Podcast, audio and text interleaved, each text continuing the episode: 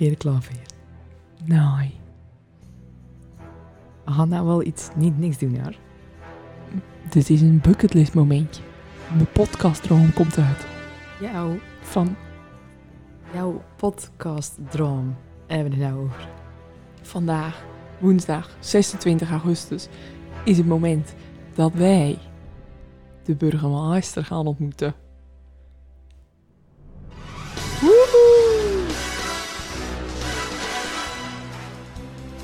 Het is echt waar. Nou ja, inderdaad, we gaan naar. eh, we gaan, dat horen jullie goed. Het is niet dat we. Het, ze komt niet hier, Lieke, maar we gaan naar het stadskantoor.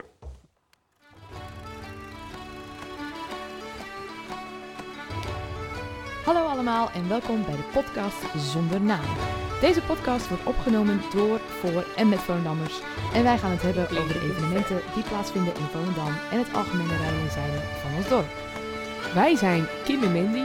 En los van ons twee zal er ook af en toe iemand aanschuiven om met ons te praten over de dingen die spelen. We nemen jullie ook mee in onze dagelijkse sleur. En dat doen we lekker in het Volendams. Ja, jij gelijk. Nou, we doen het nou dus niet in het Voldams. We moeten nou in het eh, algemeen beschaafd Nederlands praten, Kim. Daar ben ik nou precies erg goed in, dus dat komt goed. Je moet ook u zeggen, hè? Ja, u, ja, dat vind ik echt moeilijk. Vind ik, met, ik op mijn werk ook bepaalde patiënten. En dat binnen echt, dat binnen echt u's. In, dan, U's. u's. ja, weet je. Dat, ik vind dat gewoon moeilijk. Ik ben daar niet zo mee, mee, mee opvoed met u.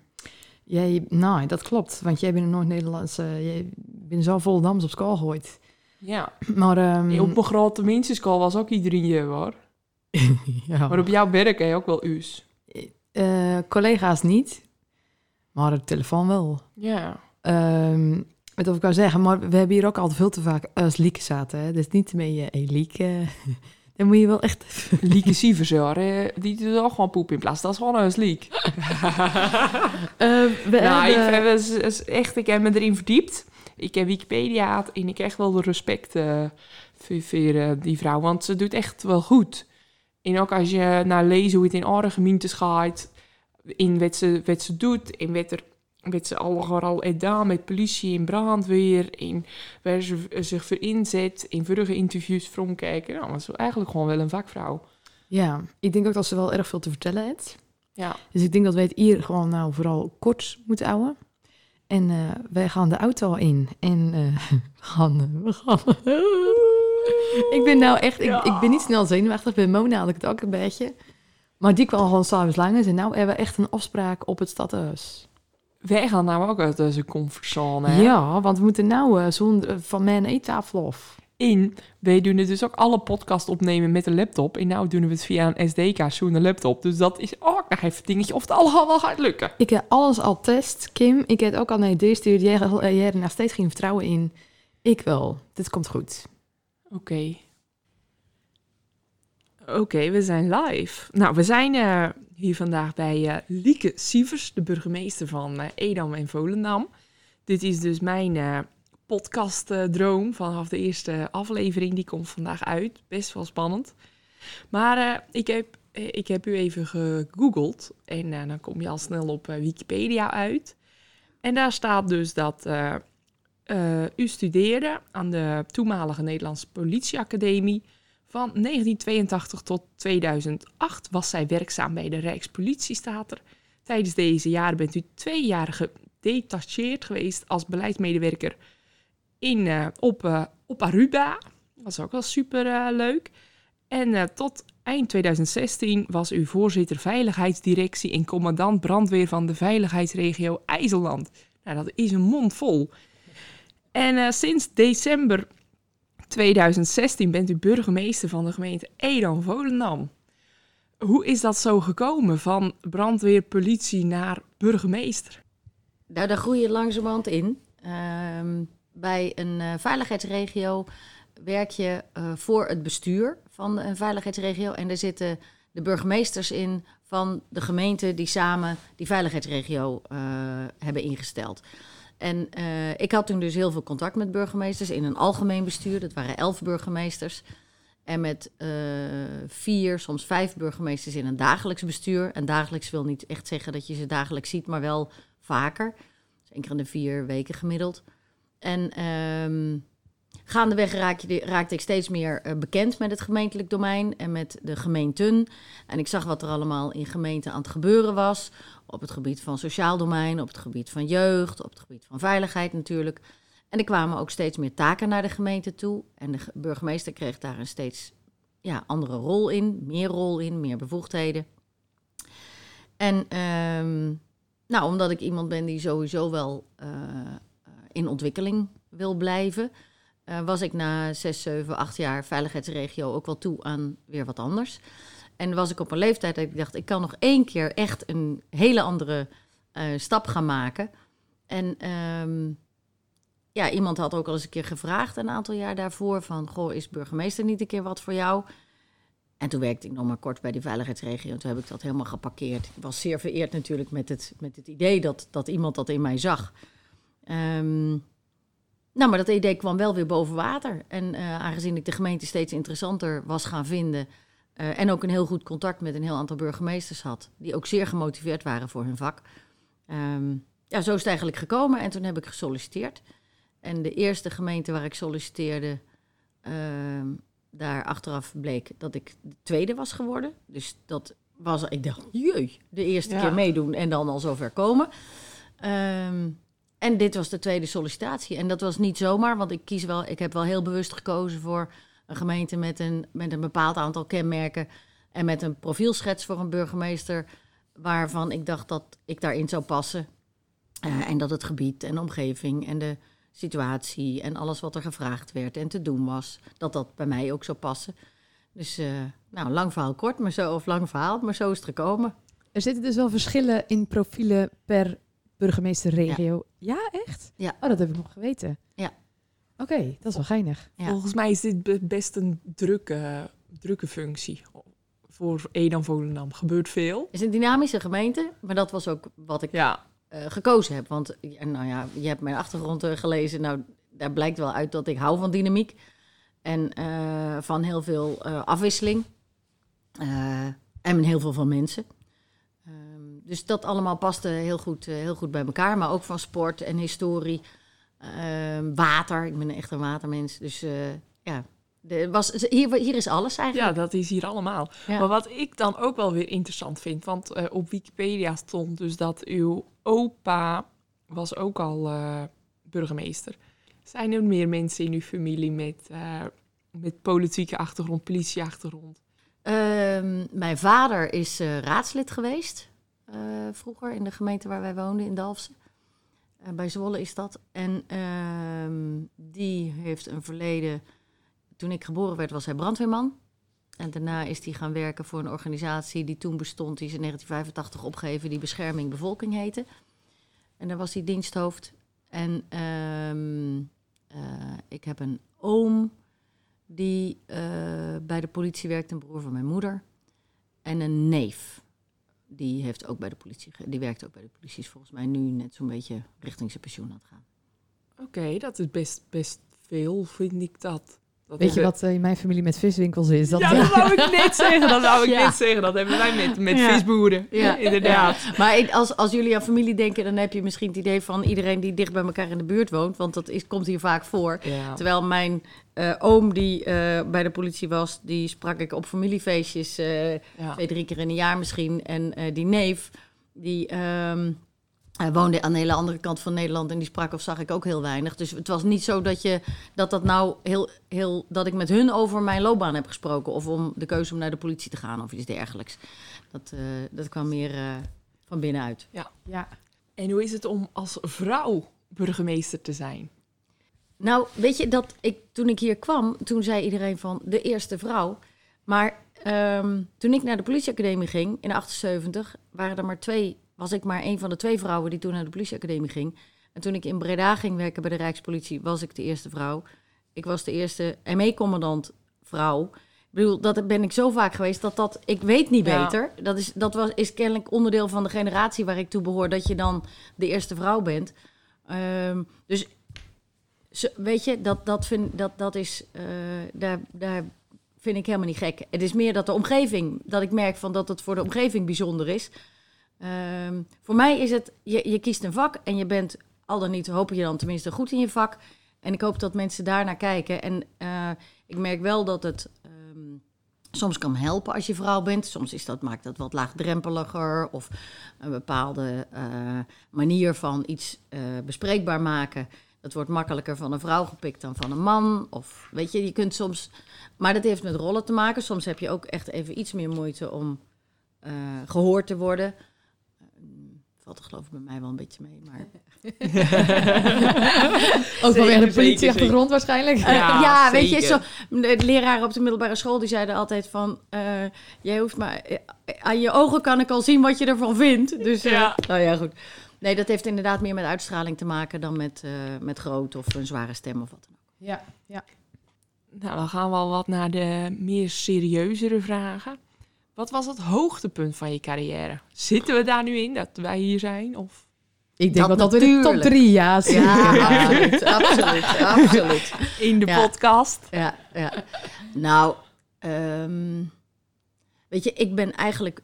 Er zijn heel veel dingen waar ik, eh, waar ik ontzettend veel van geleerd heb, ontzettend veel plezier aan heb beleefd. En de, de, eh, er zijn echt van die markante momenten die je nog eh, die, die, die je voor de geest staan. Eh, waarin, waar, waarin ik echt het gevoel heb gehad van goh, het, het deed ertoe dat ik op die plek, op di- die- dat moment voor die mens daar was. Maar als, ik, nou heb, als je kijkt naar hoogtepunten in mijn leven, dan was dat bijvoorbeeld de geboorte van mijn kinderen. Ja. Ja, uiteraard. Dat, ja, uiteraard. Dat, ik, ik vind dat echt. Het is niet iedereen gegeven om kinderen te mogen krijgen. Hè. Dus, en ehm, ook dat je gezondere kinderen krijgt en dat ze allemaal gezond opgroeien. En weet je, dat, dat is wel. ehm, dat is wel de kern van mijn bestaan, zeg maar. Ik denk ook dat, dat heel veel mensen eh, dat, dat zullen ook zo voelen dat eh, je bijdrage aan de samenleving is eigenlijk het grootste als je eh, gezonde, fijne kinderen kunt laten opgroeien. Die ook weer op hun manier een bijdrage kunnen leveren. Dus dat, nee, dat vind ik echt wel de basis van mijn bestaan. Een goed huwelijk en een gezonde, fijne mensen laten opgroeien. En als het gaat om die loopbaan. Ik was net zo blij met het feit dat ik op een gegeven moment koos om heel erg deeltijd te gaan werken. Omdat ik voor de kinderen thuis, of in ieder geval in deeltijd, er wilde zijn. Dat vond ik net zo belangrijk als, ehm, weet ik het, een ont- ontmoeting met koningin, Be- koningin Beatrix. Ja. Toen nog in, in Utrecht, omdat ze de meldkamer kwam bezoeken, weet je wel. Dus het zijn allemaal heel verschillende eh, dingen. Ja. Is er nog iets dat u nog heel graag wil bereiken?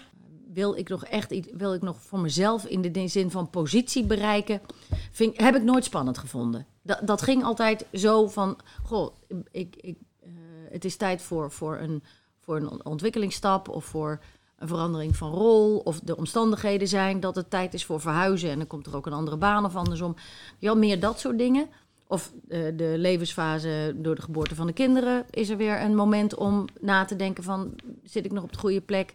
Eh, of wanneer je, en dat heb ik ook wel een aantal keer gehad, dat je denkt van, ik, heb, eh, ik, ik voel me wat, wat belemmerd of ik, ik kan eh, niet uit de verf komen. Nou, dan, dan vraag je je ook af van, ligt het nou aan mij of ligt dat aan mijn omgeving? Nou, vaak is het een combinatie van beide. Dan is het ook weer tijd om een stap te nemen.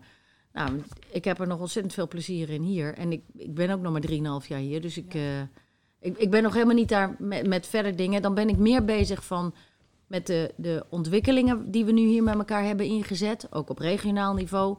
En daar wil ik wel heel graag eh, voortgang in, eh, in maken. En op een gegeven moment ergens ook eh, met elkaar resultaten halen. Zijn er nog dingen die u binnen onze gemeente wil behalen?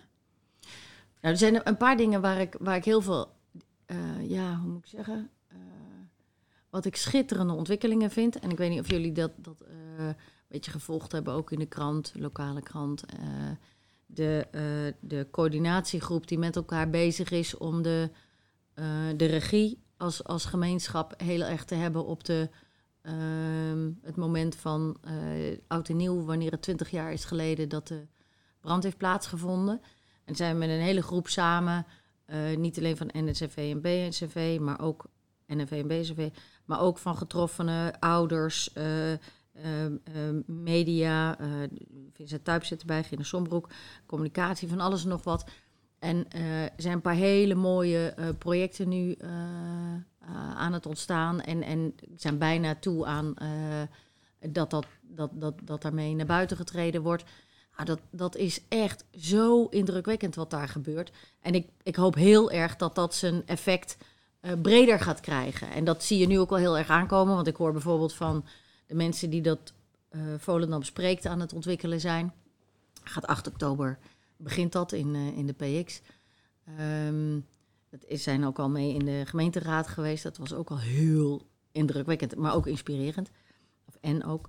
Ehm, nou, ik hoop heel erg dat dat, dat, dat een, een, een, eh, een mooie positieve golf eh, teweeg brengt. En dat zie je eigenlijk nu wel ontstaan. Dus dat vind ik heel erg mooi om te doen. Ehm, ik hoop met het programma LEF wat we aan het doen zijn, dat we daar ook eh, steeds meer ehm, resultaten mee halen. We hebben al ontzettend veel bereikt samen met de horeca ehm, en met de, eh, met de inwoners. Ik hoop eigenlijk dat we ook nog de beweging met de ouders nog veel beter kunnen maken. Want eh, hoe vindt u al die commotie om lef? Dat ouders drank halen voor kinderen van 14, 15 en dat ze het huis voorzien van drank als hun jonge kinderen feestjes geven. En dan boos als er wat van wordt gezegd. Dat ze dat gewoon niet eh, begrijpen. Ja, ehm, ik denk dat dat allemaal nog onderdeel is van de, van de ontwikkeling en de, eh, de verandering eh, die aan het plaatsvinden is.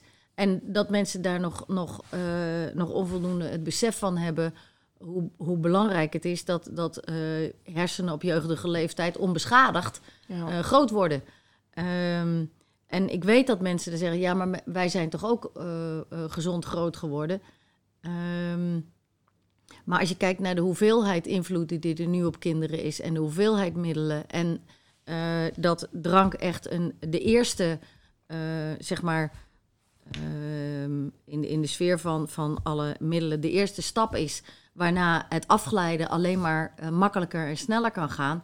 Ik denk dat, dat het voor mensen nog best wel moeilijk is om de serieuze, het serieuze karakter daarvan ook echt te willen inzien. En het is ook te willen inzien. Want het is heel makkelijk om te zeggen van... ja, maar ik ben toch ook gro- groot opgegroeid. Ja. Ja. maar dat was echt wel een andere tijd. En eh, we weten ook allemaal dat, dat, de, eh, dat er toen ook excessen waren. Ehm, maar ik denk dat, dat de hoeveelheid verslavingen... of het nou internet is of GHB of welke pil dan ook... eh, de, de, de, en de druk van de sociale media is alleen maar erger geworden. Dus het, eh, de, de verslavingen aan de, de, de gokken op de wedstrijd. Ik bedoel, dat kan heel Ja. erg. Gisteren vertelde nog iemand dat een kind van negen, die mag dan maar een half uur of een uur per dag aan, eh, aan de computer zitten. En gewoon prima gezin. Heel zorgvuldig, blij met elkaar, gezond, allemaal prima. En zonder dat dat kind het wist, was hij met een spelletje bezig waar hij binnen een half uur voor 52 euro aan poppetjes had gekocht. Weet je, en dan gaat die moeder in het gesprek zeggen van, joh, heb je in de gaten dat? Weet je wel, dus probeer om. Maar als je daar niet met elkaar bovenop zit en als... En dan is er toch heel makkelijk een collectie met als je drank toelaat, als je alles maar toelaat. Kinderen hebben gewoon eh, behoefte aan grenzen stellen. Natuurlijk moet je ruimte geven en helpen eh, groot worden. Maar groot worden is wel met ook grenzen aangeven. Want als kinderen niet eh, discipline in een opvoedingsleeftijd aangeleerd krijgen, dan ontwikkelen ze ook geen zelfdiscipline. En die zelfdiscipline heb je weer nodig in een tijd waar er zoveel verleidingen zijn en zoveel kansen op verslaving. En dus zoveel kansen om af te glijden. Dan heb je die zelfdiscipline keihard nodig. En dat begint met ouders die dus die discipline en de, de grenzen en discipline helemaal niet met slaan of dat onzin. Discipline is gewoon regels stellen en daaraan vasthouden. Met goed overleg. En niet omdat ik het zeg of daarom. Ja. Hè? Ja. Eh, maar, maar door toe- toelichten, uitleggen en vervolgens consequent zijn. En ja, de makkelijkste weg is om alles maar toe te staan. Maar daar worden kinderen geen gelukkige kinderen mee. Geen ge- ge- volwassen mensen die ook in de samenleving hun rol in het eh, elkaar netjes aanspreken en, en ehm, samen de verantwoordelijkheid voor een gezonde gemeenschap kunnen, kunnen dragen. En daar, heb ik ook, daar zie ik ook echt afschuwelijke voorbeelden van. Ja, dat eh, begrijp ik wel. Ja. Nou, we gaan, we gaan door naar de, de vragen van eh, onze, ik noem dat altijd eh volgers. En we hebben hier ook een rieltje bij. Vragen en dilemma's, daar komen ze. Nou, dan beginnen we met, eh, ja, ik, eh, nou, iemand vroeg zich af of u heel erg moest wennen in Volendam. dat valt. Ja, dat is, dat is wel wat mensen vaak vaak aan me vragen, omdat ze denken dat het heel moeilijk is om hier te wennen. Ehm, maar zoals je daarnet al voorlas, hè, ik heb op een heleboel plekken in Nederland gewoond en ook nog een stukje in het buitenland. Mijn schoonfamilie woont voor een deel in Canada. Ik ben met een Fries getrouwd. Nou, van Friesen wordt ook over het algemeen gezegd Ja. dat ze zo stug zijn. Hè? Ehm, ik heb een Limburgse zwager. Ik ben zelf natuurlijk, nou ja, wat ik al zei, een aantal keer verhuisd. Ehm, en ik denk dat je dan wel leert om eh, ook goed om je heen te kijken van, goh, wat- hoe is het hier? En ik heb natuurlijk heel bewust voor deze eh, gemeenschap, voor deze gemeente gekozen. Omdat ik denk dat we qua karakter wel en, en, en manier van werken en denken eh, eerlijk zijn, eh, niet ingewikkeld doen, maar wel eh, rechtstreeks duidelijk zijn. Ik denk dat dat Ja. wel klikt. Aanpakkers. Ja, aanpakkers. Ja. ja. Er was ook een vraag binnengekomen. Welke politieke partij heeft u gestemd? Ik heb door mijn leven, eh, eh, in mijn leven eh, verschillende richtingen en politieke partijen gestemd. En dat blijkt ook wel uit het feit dat ik aan geen enkele politieke partij verbonden ben. Dat ik heel erg kijk naar wat binnen op een bepaald moment het meest past om, om te stemmen. Ehm, want ik ben inderdaad gewoon helemaal partijloos en ongebonden. En het geeft me de ruimte om ja, echt een mening te hebben op, ja, over zowel het type mens wat ik denk dat betrouwbaar is en ook staat voor wat hij echt vindt, als over wat er eh, op dit moment in de samenleving eh, en landelijk, maar ook nationaal, internationaal, echt moet gebeuren.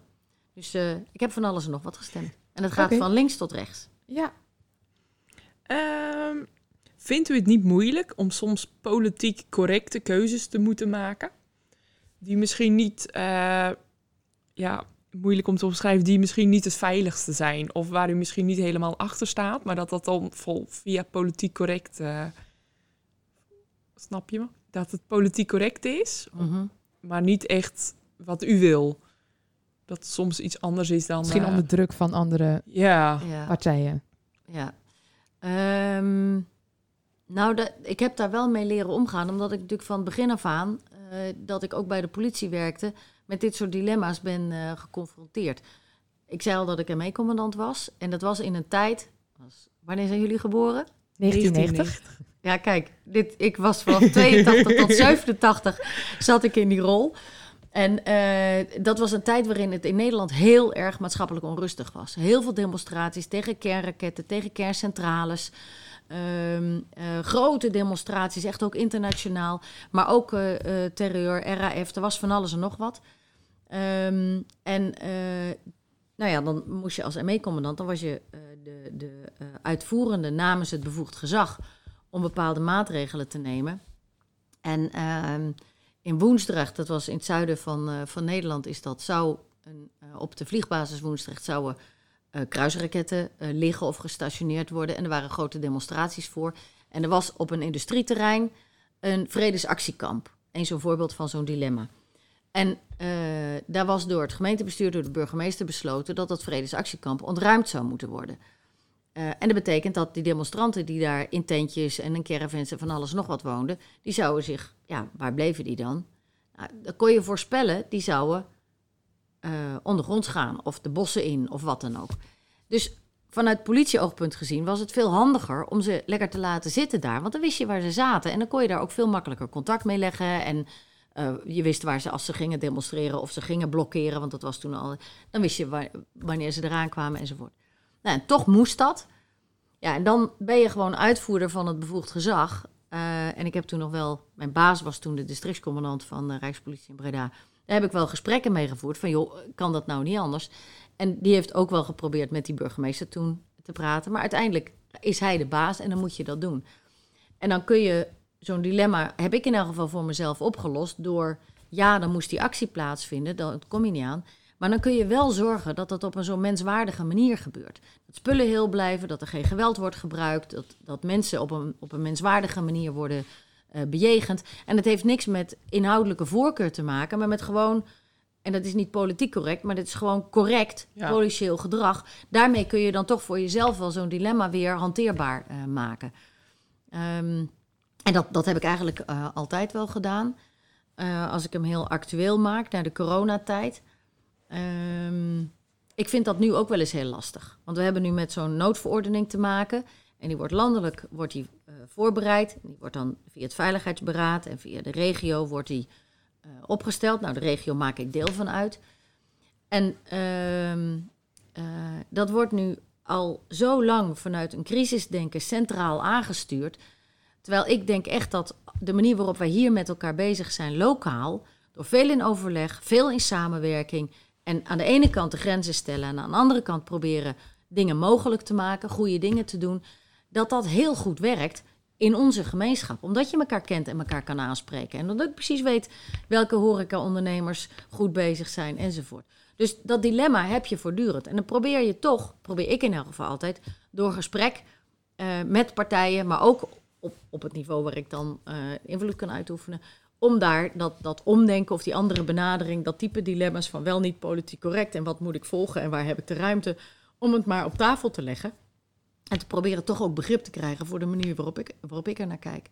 En over het algemeen, als je dat uh, goed onderbouwt uh, en, en, en met overtuiging uh, brengt, is mijn ervaring dat er dan ook geluisterd wordt en dat dat ook vaak wel lukt.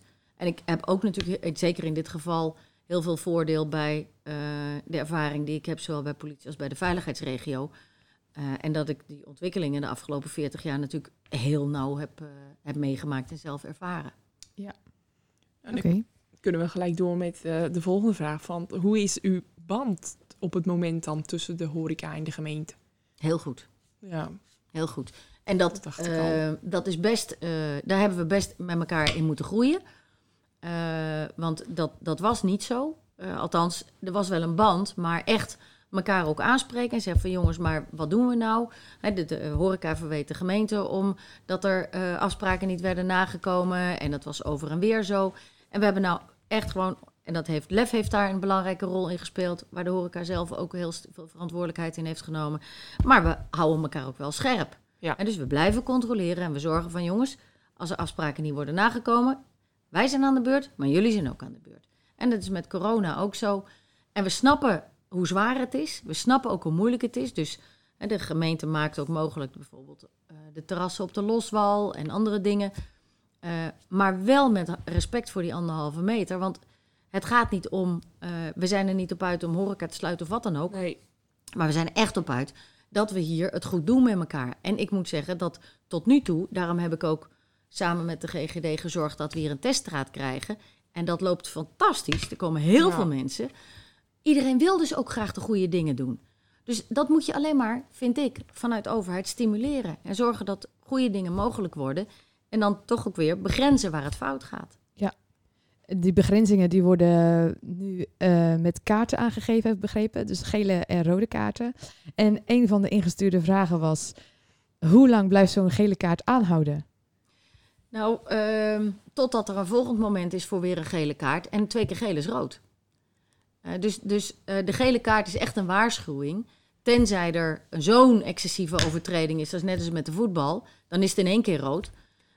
Maar in principe is het eerst waarschuwen en, en jongens, kom op, we doen dit niet omdat we... Hè, ik wil ook liever niet in die rol zitten dat ik die rode kaart moet trekken. Maar ik ontkom er niet aan. Als iedereen zijn best doet en er is er één die, die toch echt grof in de fout gaat, dan, ja, dan, dan moet, je eigenlijk, moet je die maatregel wel nemen omdat het anders geen zin heeft dat de rest zijn best doet. Ja. Maar het is niet, uh, stel dit uh, corona duurt nog super lang en voor de horeca weet je misschien nog wel een jaar, dat iemand heeft nu een gele kaart. En dan over drie maanden, weet je, drie maanden hebben ze goed gedrag getoond. En dan over drie maanden gaat het fout, is het dan nog steeds gelijk rood. Maar dat hangt er vanaf hoe, wat voor fout het is. Okay. En wij kijken daar echt heel secuur naar. Ja. En dat, dat uh, uh, want nogmaals, het is niet de bedoeling om een rode kaart te trekken. Nee, de bedoeling niet. is dat je het met elkaar goed blijft ja. doen. En, uh, maar je, je, je, weet heel goed of mensen bewust de zaak provoceren en, en uh, hè, of dat, dat het gewoon een slipper is. Ja. Maar je rekent er gewoon op dat je met elkaar je verantwoordelijkheid neemt. En ik moet zeggen, wij doen het tot nu toe, zowel als Edam Volendam, ehm, maar ook met, hè, als de horeca, maar ook als gemeenschap, doen we het gewoon hartstikke goed. Er zijn relatief weinig besmettingen. Uh, er is nog geen grote outbreak geweest op één na, vrijwel in het begin. Uh, en ik hoop in hemelsnaam dat, hè, dat, dat zie je nu ook in deze tijd, dat mensen zeggen, ja, maar toch tuinfeest, toch dit, toch dat. Weet je, ijsblokjes mondeling aan elkaar doorgeven. dat is natuurlijk wel stupide. Hè? Dan maak je het ook wel erg makkelijk om, om met z'n allen ziek te worden. En weet je, je dan denk ik, ik, ik wil. ehm, het is meer vanuit verantwoordelijkheid dan omdat ik mensen angst eh, wil aanpraten. Je wil niet op je geweten hebben, en dat zeg ik tegen de horeca ook. Dat omdat jij eh, zo nodig dat feestje gaf en dat ijsblokje doorgaf, dat er één iemand tussen zat die toch dat. En dat er iemand heel ernstig ziek wordt, omdat die. Iedereen reageert verschillend op corona. Wij kunnen het alle drie wel hebben zonder dat we het voelen. Ja. Terwijl anderen, die komen echt, terwijl ze hartstikke gezond zijn, toch op een IC terecht. En overlijden, want dat gebeurt ook. Dan denk ik, dat wil je niet op je geweten hebben. Dus zolang we nog niet zeker zijn dat, we, dat er niemand hier ziek is, moeten we Ja. gewoon voorzichtig zijn. En ik moet echt zeggen, eh, wij eh, zijn dan nog best wel vrij actief in het eh, uitgaansleven. En de horeca die is wel echt heel streng inderdaad. Als er iemand aan de tafel komt praten, is het al gelijk... eh, jongens, dit kan niet. Eh, neem even je eigen stoel weer in beslag. En eh, Ja. dus er wordt wel echt eh, heel Ja. goed mee omgegaan. Zeker. en ik moet zelf zeggen, ik vind ook de, eh, de sfeer, als je gewoon met z'n allen zit en je hebt iets meer privacy voor je eigen gesprek, eigenlijk nog wel net zo relaxed. Zeker. Alleen het is, het is het, wat we gewend zijn, dat je van even met iemand kan kletsen als je onderweg naar de wc gaat. Of je gaat ondertussen toch even naar een ander café, dat is weg. Ja. Maar je, als je Ja. gewoon een leuke plek hebt met leuke vrienden, Precies. dan kan je een hele Nou, mooie dat, en, avond daarom, hebben. en dat probeer ik dus ook te Ja. zeggen. Van, eh, eh, ehm, kijk naar wat er wel mogelijk is en hoe je het dus wel met een leuke groep gewoon gezellig kan hebben. Ja. Zonder dat je ehm, de, de horeca in de verlegenheid brengt dat ze iedere keer met dat vingertje moeten Ja. staan te, te zwieberen. Want zij zijn wel degene die de consequenties dragen. Want Ja. die individuele boetes worden weinig meer gegeven. Als het nodig is, wordt, gebeurt het. Maar ja, uiteindelijk wordt die horeca erop aangekeken. Ja. En dat, dat gun ik ze gewoon niet. Nee. Nee, inderdaad. Eh, Nou, we komen een beetje aan op de vragen. Die zijn denk ik eh, honderd keer gesteld. Een beetje de, dezelfde vragen. En dat is dan vooral over de, de niet, eh, de niet-kermis. we plakken Ze- er maar een label aan. De niet-kermis. Ja. Kunt u de Volendammer kermisgekte begrijpen? Nou, dat was een van de dingen. Ik ben sowieso ook geen carnavalvierder, dus, dus het, is een, eh, eh, het is een bijzonder fenomeen. Ehm, maar ik wist wel dat in Noord-Holland kermis een ding was. Net zo goed als in het zuiden, dus de carnaval. Ehm, en eh, ik heb wel mijn ogen uitgekeken. Maar als ik zie hoeveel plezier mensen eraan hebben en, en, en ook de, de attracties, hoe bijzonder die zijn ten opzichte van wat in de rest van Nederland is en hoezeer het een, een dorpskermis is, ja, dat, dat, dat, is wel fascinerend. En ik heb natuurlijk de boeken gelezen en alles meegemaakt en gevoeld ook hier in de gemeente en ook in het gemeentehuis hoe mensen echt weken van tevoren bloednerveus zijn. En eh, Ja. weet je, daar zit echt een soort eh, ja, anticipering in op van alles en nog wat. Nou, dat is gewoon prachtig om mee te maken. En de excessen vind ik natuurlijk niet leuk. Ik bedoel, als ik zie hoe smerig het is. Hè, mensen die gewoon, net alsof dan alle remmen eraf zijn. Alsof er iedereen maar alle zooi om zich heen mag smijten. Alsof je overal eh, spugend en piesend in hoeken mag staan. En dan denk ik, dat, dat vind ik zonde. Dat, daar, daar, daar doe je jezelf en je eigen dorp ook tekort mee. Eh, maar een fijn feest vieren en, en ook daar en volledig eh, uit je dak gaan, jongens. prima, ik heb in die tent ben ik geweest. Nou, super gezellig. Hartstikke leuke muziek. En weet je, dus er zijn, er zijn heel veel mooie aspecten. En er zitten, zoals altijd, zitten er ook gewoon dat ik denk, mot dat nou? ja, inderdaad. Daar denken wij dan helemaal niet zo erg bij Ik na. zie het ook niet, als ik eerlijk ben. Nee. Ik heb echt oogkleppen op. En, eh, Als iemand naast je staat te overgeven, hey, ga goed, en dan loop je weer verder. ja, inderdaad. Jawel, maar het is wel vaak, weet je, eh, dat als je ziet wat de... eh hey, zijn we al zover? Oké, dan ronden we af. Ja. Ehm, eh, als je ziet dat, de vol- dat 's morgens wat, wat de mensen van openbare werken allemaal moeten opruimen... Weet je, dan staat de gemeente ervoor en die staan echt om zes uur op 's morgens om, om, denk ik... Weet je, als we nou een beetje eh, om elkaar denken en... en dan, dan hebben zij ook meer plezier. Kunnen zij ook de kermis? Want die kunnen dat niet, want die moeten 's morgens er weer staan om die boel schoon te maken. Ja. Weet je, zou het met elkaar, zou je toch wel iets... Nou ja, dat, maar goed, dat is, de, dat is de, de minder leuke kant ervan. Vind ik in elk geval ook een beetje vanuit de verantwoordelijkheid. Maar we hebben, eh, zolang ik er ben, ik vind echt... Het was geen leuk en een geen makkelijk besluit dat het niet kon. Maar het kon Ja, echt niet het in, kon onder echt deze niet. omstandigheden. Ehm, en ik hoor daar ook heel veel bijval voor trouwens. Ik hoor ook heel veel mensen die zeggen van ik ben een weekendje weg, want ik was toch Ja. vrij en ik wil toch een leuk weekend hebben. Dus helemaal verstandig. Ehm, en ik hoop eigenlijk dat we volgend jaar dat we gewoon weer vol feest kunnen vieren. Een dubbele beun met een roltrap, al besloten. Maar de meest gestelde vraag is eigenlijk, wat gaat u doen met de zitjes? Ja. Want eh, bijvoorbeeld vorige week was er een buurtfeest en daar, weet je, ze zaten wel ruim, maar er, er stonden partytenten overal en dat was prima. Die hebben geen boetes gehad, eh, weet je. De handhaving heeft dat gezien, was niks aan de hand, ging goed, maar we mogen nu met zes man in een huis. Eh, je, ga je fout als je met twaalf man onder een partytent zit buiten? Moet je Nou ga je fout, weet je, het is precies wat je zegt. Eh, gebruik je gezonde verstand. Ja, Dus eh, eh, denk na over die afstanden. Maar jij weet ook dat als er drie biertjes in zitten, dat Ja. het moeilijk is om nog die afstand te houden. Daar gaat het om. Dus als je het wil, ehm, eh, zorg dan dat, dat, je, dat je bij wijze van spreken, net zo goed als je wat gaat rijden, heb je, heb je een bob. Zorg dat je met elkaar die verantwoordelijkheid neemt, zodat jij niet een feest organiseert met elkaar waar straks een outbreak op is en dat er straks eentje op de IC komt. En weet je, dat, dat zou ik zo ontzettend belazerd vinden. Dus ik, ik hoop echt dat iedereen zijn best doet om, om het aan de goede kant te houden. Want we moeten niet bang zijn voor handhaving. ja maar die, die, dat, het- Maar dat is, Ja, dat is, zeker. dat is natuurlijk heel raar. Iedereen is bang voor de handhaving en bang voor de boetes. En Ja. dat, En, dat nou ja, heerst dat, nu. en dan denk ik van, dat is allemaal prima. Ehm, dat is om de grenzen te blijven bewaken. Maar als dat alleen maar is omdat je bang bent voor de boete... maar niet bang omdat je andere mensen ziek Ja. Dan zit er wel een gaatje in je kop. Ja, Dus hè, dan, dan ben je voor de verkeerde dingen bang. ja.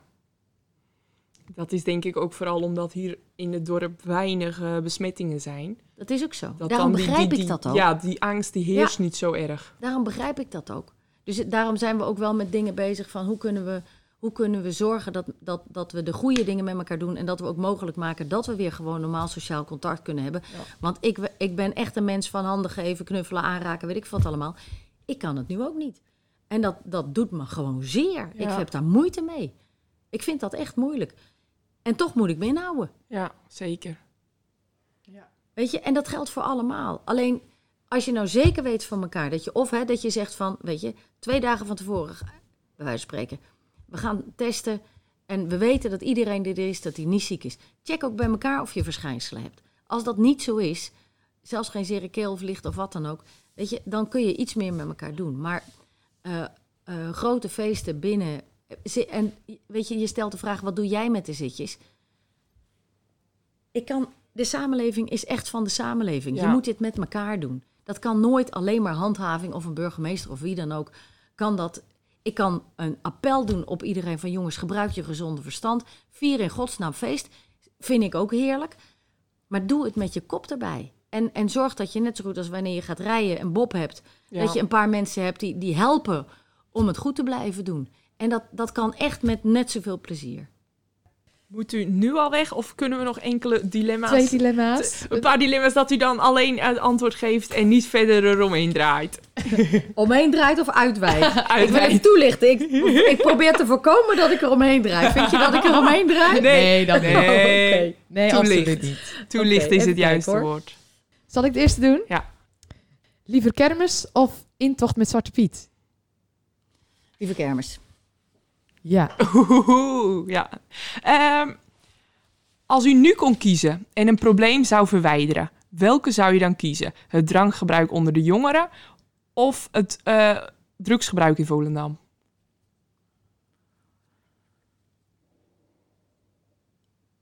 Ehm, ja, dat is net als bij de vorige. Daar kan ik eigenlijk geen keuze maken. Ik, heb, ik zei heel spontaan kermis. Maar dat kan ook pas na corona natuurlijk weer. Ehm, en ik vind het allebei heel ernstig. En allebei heel serieus. En ik denk dat, ehm, en wat ik net al zei, drankgebruik is, de, is, is vaak het begin van gedrag wat tot verslaving leidt. En dan kom je tot drugs. En nu zie je het ook al vaak samen optrekken. Dus het is nauwelijks meer te onderscheiden. Maar het is wel een serieus probleem. En daar, ja, weet je, een lefaanpak zit echt aan de voorkant. Maar ook aan de achterkant gaan we daar toch meer eh, stappen in zetten. Aan de achterkant wil ik zeggen, dus met eh, eh, opsporing en, en dat soort dingen. Het is meer de preventie dan het leven. Dat- dat is Dus heel wel- belangrijk, ja. goed, ja. Ja, we, zitten, we zijn door de tijd. Ehm, als, nog eentje. Als nou die, eh, over de leeftijd met Ja. het betreft corona.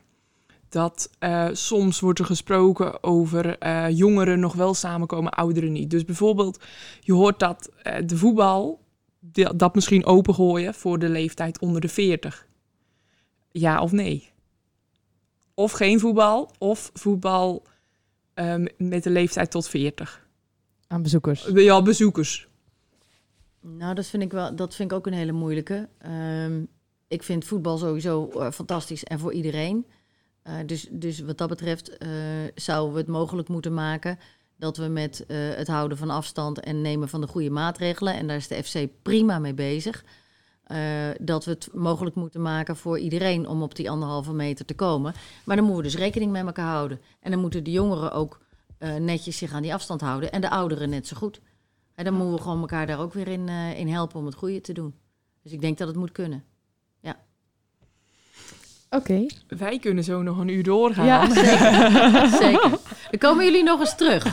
dat is misschien wel een goed Dan komen idee. jullie nog goed. eens terug. Voor als er weer wel kermis gevierd mag worden volgend jaar. Ja, laten we kijken. Ja, Nou, in ieder geval zo. hartstikke bedankt graag gedaan. voor uw hulp. Eh, of eh, voor uw hulp eh, voor dit interview. En eh, ja, Ja, we, bedankt. We ronden het af. ja. Helemaal een beetje verbaasd. Ja, nee, nee, nee, nee. Ik heb het warm en er staan mensen te wachten. En, Oké. eh, dus eh, Ja. ja. Nou, goed zo. Tot de volgende keer. tot, de, volgende keer. Nou, Kim, Dat was het. hoe vond je het? Eh, ja, nou, ik heb er wel een goed gevoel bij. Ik, ik de lip. Ik vond het super eh, interessant, wat ze allemaal vertelden. Ik dacht op een gegeven moment wel al van, dit, duurt wel lang. Voor mijn gevoel duurt het wel een half uur. Maar als je daar dan binnen, dan is het echt, een, echt wel een powervrouw. Absoluut. En ze doet wel echt... Kijk, eh, Volendam heeft natuurlijk veel over te zeggen, maar nou we met eer zaten, ze doet wel echt het best. En ZV Kermis had wel gehoord, het ze erg best aan om het wel op een andere manier dan dit kan laten gaan. En dat is gewoon niet lukt. Ehm, maar we was eh de tijd één en eh, we hebben nog wel een dilemma weten te stellen toen we alles dan opruimen. En dat was... Als Fenke Halsema wil ruilen van positie, zou u dat dan doen? En toen zei ze, nee, want ik gun haar Volendam niet.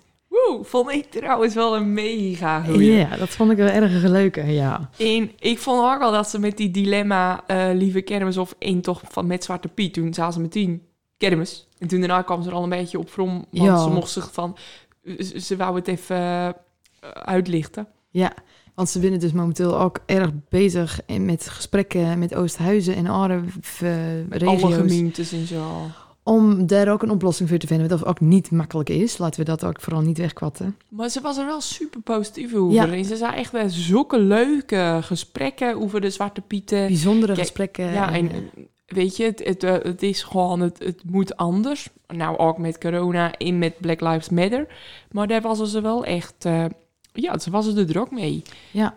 En ik dacht, ik had nog wat dilemma's op mijn, op mijn papiertje staan. Ik dacht, ik kan ze ook gewoon even van jou eh, stellen. Oh, oké. Ja, weet je, het zoenen, die mensen sturen dat in om er dan even niks mee te doen. Komt-ie. Mandy. Edam of Volendam? Ja, Volendam. Kun je dat toelichten? Nou, Ik ben een Volendammer. Oké, oké. Politie of brandweer, Mandy? Politie of brandweer. Iedereen weet al half niks aan. Oké, volgende. Interlockie of pyjama? Pyjama. Zoute haring of gerookte aal? Oeh. Nou, dan ga ik toch weer de uil. Ik ook. Oldenzaal of Volendam? Nou, laat ik dan nou over Oldenzaal gaan. Snap ik, snap ik. Ja. Foe of kippie? Foe. Deze, deze eh, Mandy ook nog even stellen op het eind. Toen keek ze. Ze dacht echt dat ik een raar geluidje dan maken. Foe of kippie? Natuurlijk dat gezicht van de burgemeester. Vond wel grappig. Die had geen idee. We hebben het over hadden. Dus misschien wel beter dat we niet alle dilemma's hebben gesteld. Anders hadden we na een uur moeten zitten. Ja. Nou, dan hebben we de laatste dilemma voor jou. Kim of Mandy? Kim. Goeie, goeie. Enige goede keus. Eh, het liedje van de burgemeester, dat weten we dus ook niet. En eh, volgens mij hebben we al... eh, hoeveel volgers hebben we op de playlist zonder Ik check het niet. Ik ook niet dagelijks, maar volgens mij zaten we les dus op acht. Dus binnen er al acht maanden als die podcast er weer. Ehm kan je ook je eigen laatste volgen? Denk het niet. Nee, dan Als, hadden we als, als, dat ik... had een eentje bij had. Ja. Maar eh, foto binnen we ook vergeten. Ja, we gaan erg lekker. eh, Dus Kim dan gaan zit we- er eh, niet erg meer in. We gaan door. Naar? Ja, daar is hij. Het zonnetje van deze aflevering. Kim, jouw droom is uitkomen. Het is nou tijd voor jouw droom. Het is nou inderdaad tijd voor mijn droom. Want de volgende gast van deze podcast wordt niemand minder dan Jan Tuip Pet van de band Zonder Naam. En het was natuurlijk mijn deze podcastdroom om een eh, ex- ex-BZN eh, lid eh, in de podcast te hebben. Dus dat gaat de volgende aflevering gebeuren. Ja. Echt zin in, want die man die heeft natuurlijk al een leven van de BZN. Maar na de BZN is het ook gewoon een topper, weet je. Met die foto's en zijn reizen. Dus ik denk een driedubbele aflevering of zo. Nou ja, ik wou net zeggen, volgens mij moeten daar ook weer twee voor in las. Ja, we zijn al wel waarschuwd dat hij wel kan slap lullen. Wel, Ja. ik ben erg benieuwd. En eh ben jij alvast een vraag? oh ja, dat moet er Dat doen we ook altijd, hè? Jeetje. En nou weet ik hoe moeilijk het is. Want die denkt namelijk echt nog niet... Nou, ik wil wel weten of wij het vindt dat wij eh, de PZN binnen. Daar ben ik vooral benieuwd naar. Hoe wij, of dat wij die naam gebruiken. Ja, nou ja, naam, eh, ja, dat we een afleiding hebben daarvan. Ja. Dus dat wil ik eigenlijk wel weten. Nou, dat vind ik een erge goeie. Mag ik het outro instarten? Ja.